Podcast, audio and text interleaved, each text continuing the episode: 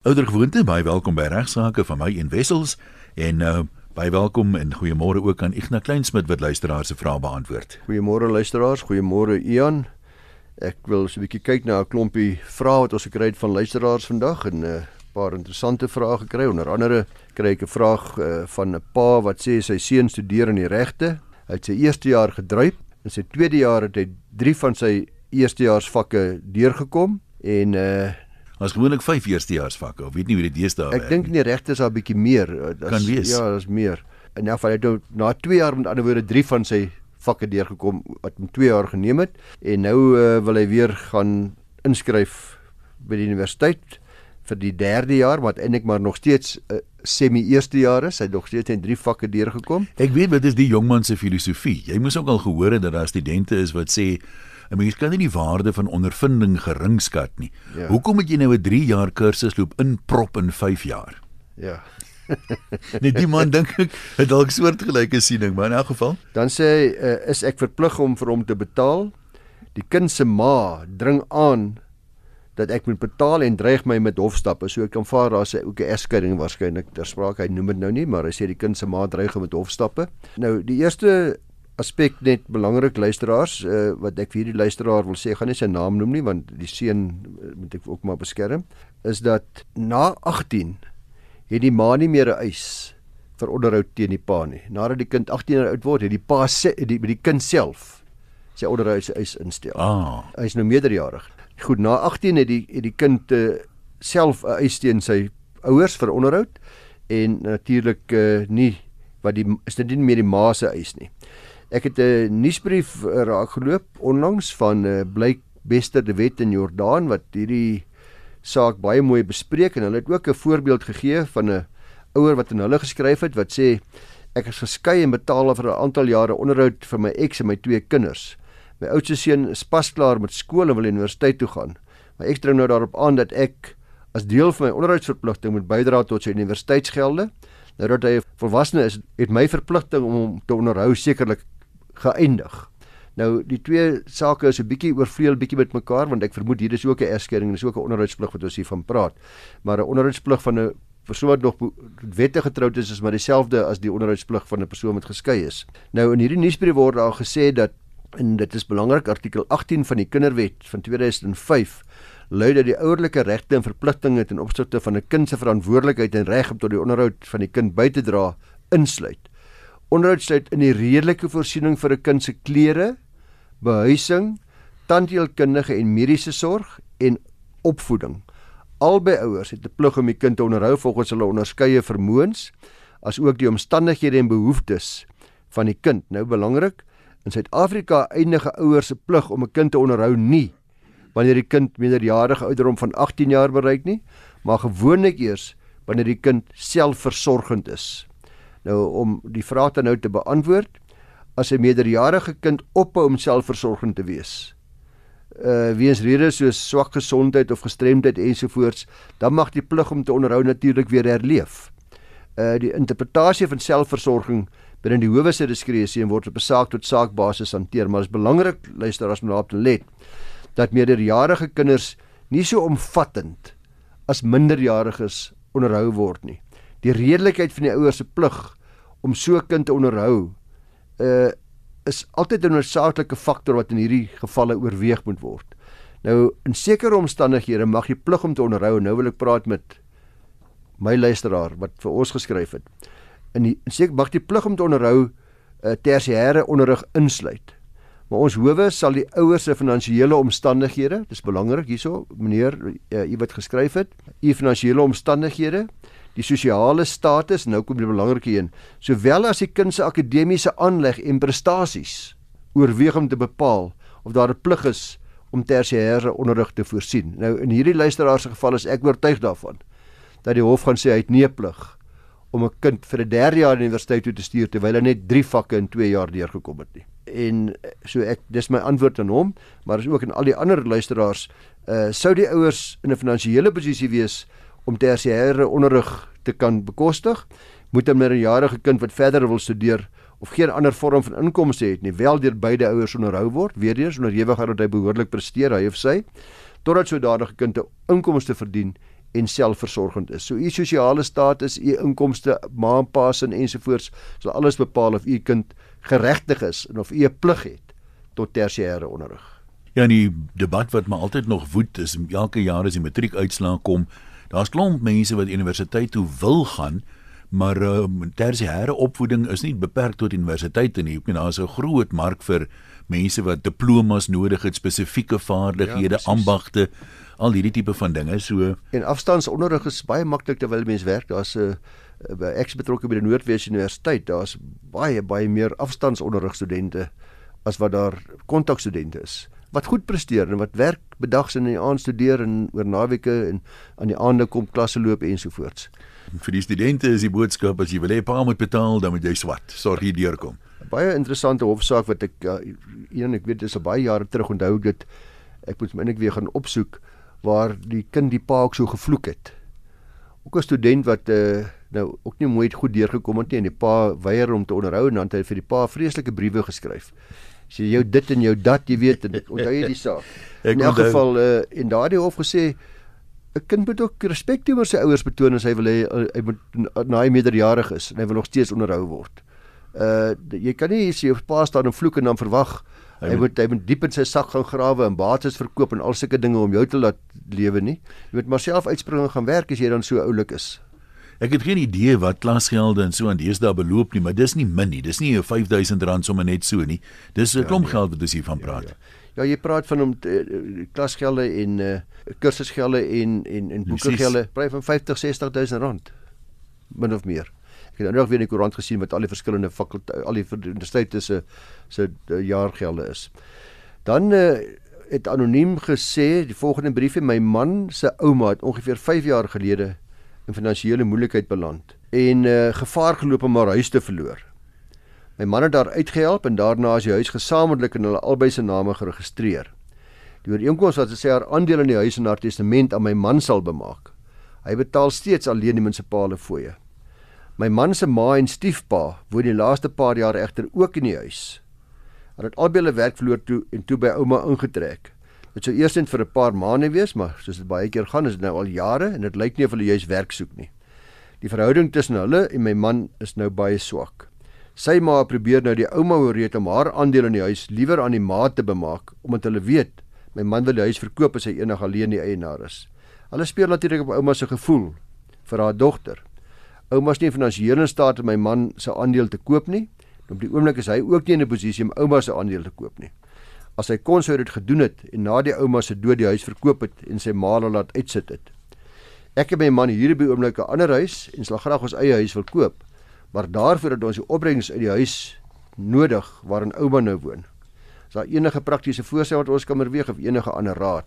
Ouer gewoonte het ek hierdie vraag uh, verwys na 'n spesialis prokureur by hierdie gebied, naam Volker Kreer, en hy antwoord is volg: Volker Kraap by van Velden en Duffy.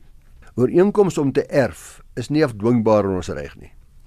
Dis teen die openbare belang en enige ooreenkomste tussen die luisteraar se man en sy ouma in terme waarvan hy haar 50% belang in die huis erf is dus nie afdwingbaar nie. Jy mens weet ons gee jou testament elke dag al. Ja. Ek kan vandag vir jou beloof jy gaan jou moet dit en dat gee en teken die testament voor jou en môre maak ek net weer 'n nuwe testament en daai belofte beteken niks nie. Hulle kan wel die probleem probeer oplos sê stel Volker voor deur die 50% belang in die eiendom by haar man se ouma te koop en gelyktydig met die oordrag daarvan 'n vruggebruik ten gunste van die ouma te registreer oor die hele eiendom. Die vruggebruik sal dan verseker dat sy die ouma vir die res van haar lewe die voordeel van die eiendom kan geniet. Sy is dus beskerm. Ouma is geniet, ouma is beskerm en die luisteraar se man is beskerm.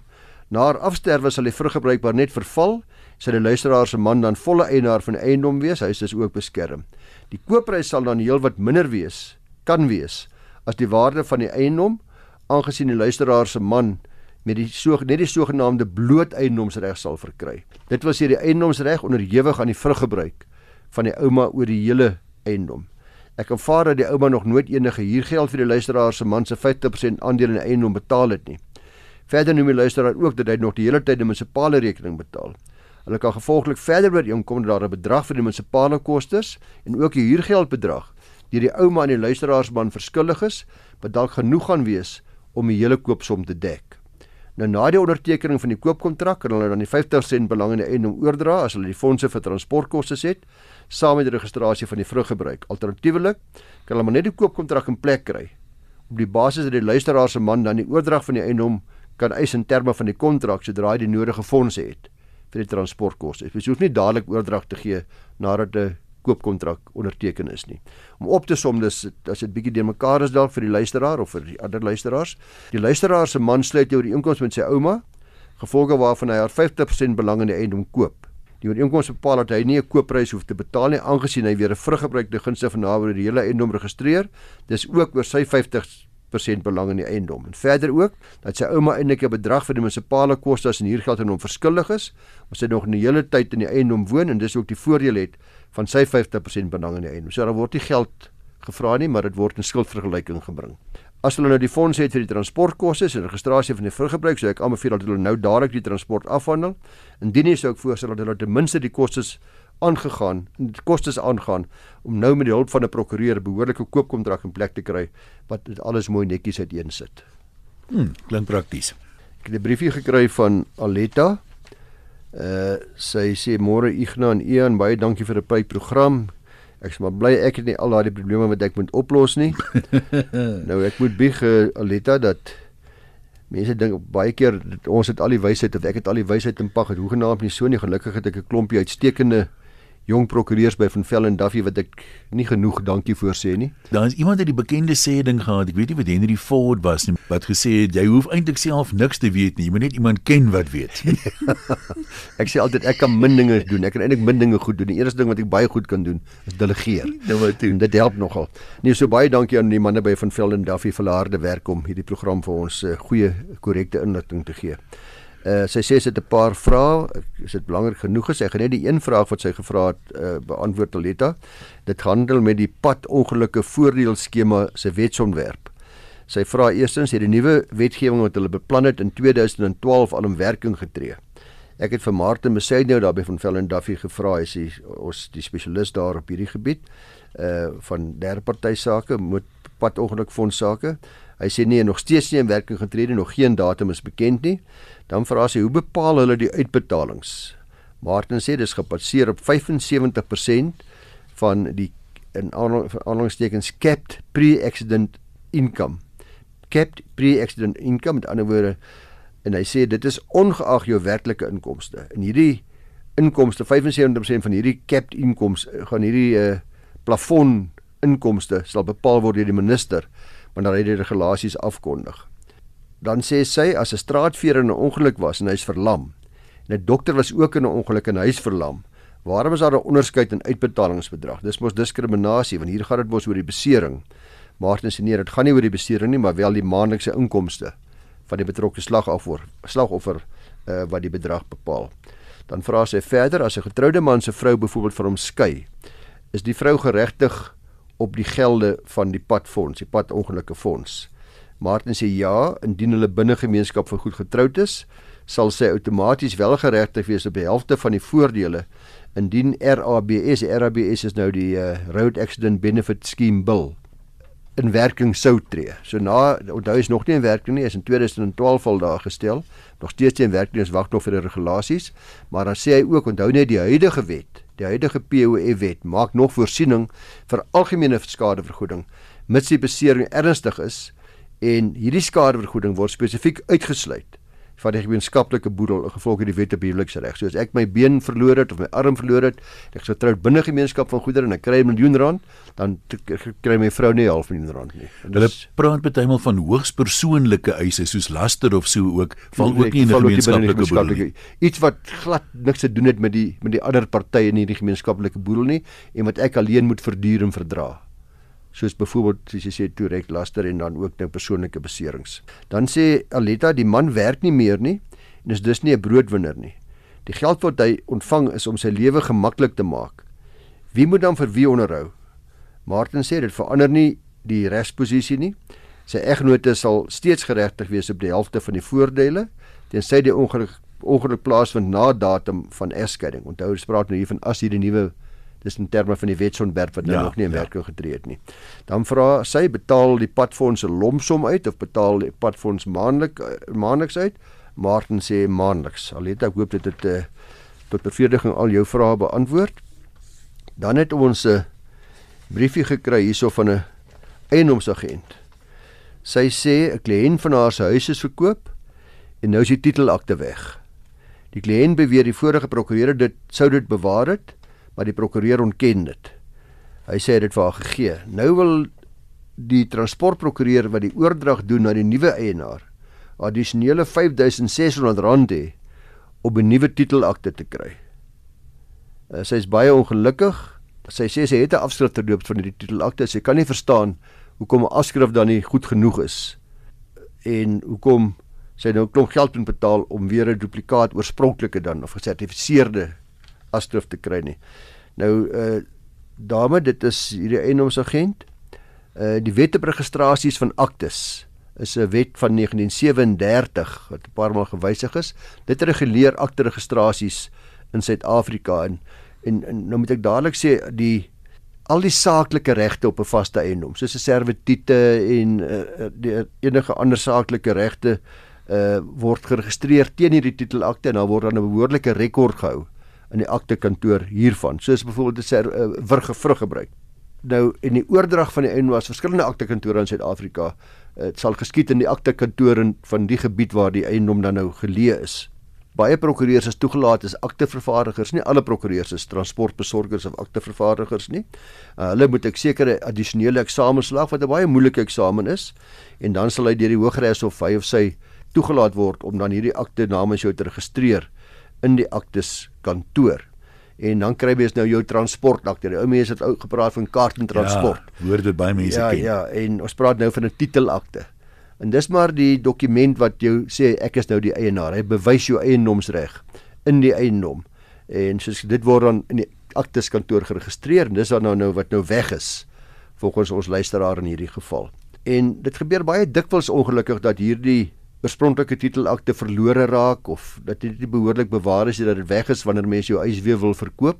Normaalweg natuurlik as daar 'n verband is, nie normaalweg nie altyd, sal die verbandhouer die bank uh, sal daar op aandring dat die titelakte by hulle bewaar word totdat die verband afgelos is. Dat dat dan weet beser om dis veilig daar as jy moet by die bank gaan soek, hulle sal dit vir jou kan gee.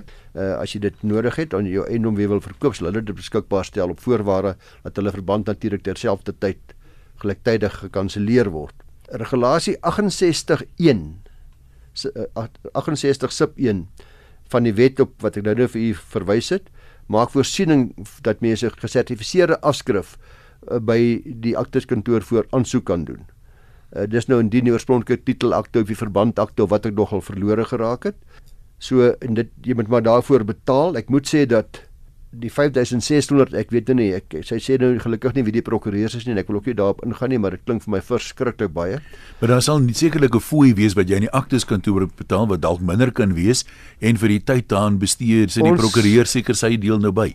Ek het vir ons firma gaan vra wat is die normale gemiddelde kostes en hulle sê saam met die uitgawes so R2500. Jy weet dan gebruik ons nog van ons het nie aktief kantoor in Rustenburg gebruik ons nog die korrespondent ja, ook in ja. Pretoria. Ja. So die 5600 klink bietjie vir my rof. Sy moet dalk maar 'n meer beter kwotasie gaan kry. Maar belangrik is ook dat ook onlangs uh op die 25ste Februarie 2019 is baie onlangs mm -hmm. het daar 'n uh, wysiging aan die regulasie wat ek nou vir u genoem het ingetree. En hierdie gewysigde regulasies maak dit nou nog moeiliker en dit uh veroorsaak nog verdere vertragings en addisionele kostes indien aktes verlore raak of vernietig is. Onder andere moet nou moet hierdie beëdigde verklaring wat gemaak word moet nou nie moet nou kan jy nie deur kommissaris laat beëdig jy moet nou ook deur 'n notaris moet geattesteer word. Jy moet nog 'n notaris ook kry om dit behoorlik vir jou te verlei. So jy kan byvoorbeeld by 'n polisiekantoor 'n kommissaris van ED hê, maar 'n notaris is gewoonlik 'n prokureur. Prokureur, dis reg. So jy moet nou nou daarvoor gaan en die ander ding is jy moet nou adverteer in die staatskoerant. Ah. En na twee na plasing in die staatskoerant van hierdie advertensie moet dit vir 2 weke ter insal lê by die akteskantoor vir inspeksie deur die publiek. So hierdie kostes gaan nou nog baie meer word maar dit is nou eers na 25 Februarie uh nou so rukkie in werking. Die feit dat sy wel 'n afskrif het, dit kan nie gebruik word nie, maar dis nie gesertifiseer nee, nie. Nee, dit kan nie gebruik word. Dit maak dit baie makliker uh, vir die aansoek om want jy het al die besonderhede nou reeds voor jou. Jy hoef nie te gaan uh, uh, akte soek doen nie ensovoorts nie, maar dit maak eintlik geen verskil nie. Dan het ek 'n briefie ge nou hy sê dankie vir van Vellen Duffy se webwerf. Hy sê hy het 'n lys daar gekry van die ombudsmense wat ons daarop het uh in die kontrolelys som was vir hom vir testamente en vir wat jou erfgename moet alles weet wat jy uh vir hulle moet laat gee wanneer jy afsterf. Maar dan vra ek jy nie miskien ook vir ons 'n kontrolelys gee van al die regsaspekte wat mense van tyd tot tyd op datum moet bring nie. Nou dis 'n baie baie wydlopende en uiteenlopende vraag. Ek dink ek kon hom baie lank daarmee besig hou. Ek besluit om net nou wat my betref en die mees heel belangrikste is net vinnig te verwys vir oom Oscar. En eerstens is dit is jou testament behoorlik onderteken. Wat nou onlangs weer 'n prokureur wat ek goed ken, 'n prokureur weer sonder 'n testament gesterf. Is jou testament behoorlik onderteken en meer belangrik, is dit op datum? Want mense omstandighede verander deurentyd. Ons sit met testamente wat mense 10, 20 jaar laas opgestel het. Intussen het daar baie dinge met jou gebeur. Jou bates het verander. Jou kinders het meerderjare geword uh jou ex is dalk dood. Een kind is dalk intussen bankrot. Dit gaan alles dramatiese invloed hê op jou testament lyk. Jy dalk nuwe kleinkinders wat jy dalk ook nou wil iets oor sê. Ag en so kan ek aangaan. Daar's baie lewensveranderende omstandighede. Baie keer is jou kinders self intussen geskei. En nou het jy dalk uh, jou skoondogter of jou jou uh, skoonseun ook in jou testament genoem. Uh of van hulle is dalk oorlede. So maak seker dat jou testament op datum is en dat hy aangepas is by jou veranderde omstandighede. Dan die ander tweede ding is belangrik jou lewenspolisse. Kyk gereeld na jou lewenspolisse. Dis iets wat mense maar moet doen want uh onder andere die meeste lewenspolisse het begunstigdes. Maak seker dat jy nog dieselfde begunstigdes, dat jy weet wie die begunstigdes is en dat jy nog steeds daardie begunstigdes hulle is dalk al reeds oorlede. Hulle is soos ek sê, kinders is dalk al geskei. Daar's dalk ander dinge wat gebeur het. Hoekom jy nie meer daardie spesifieke begunstigdes wil hê nie.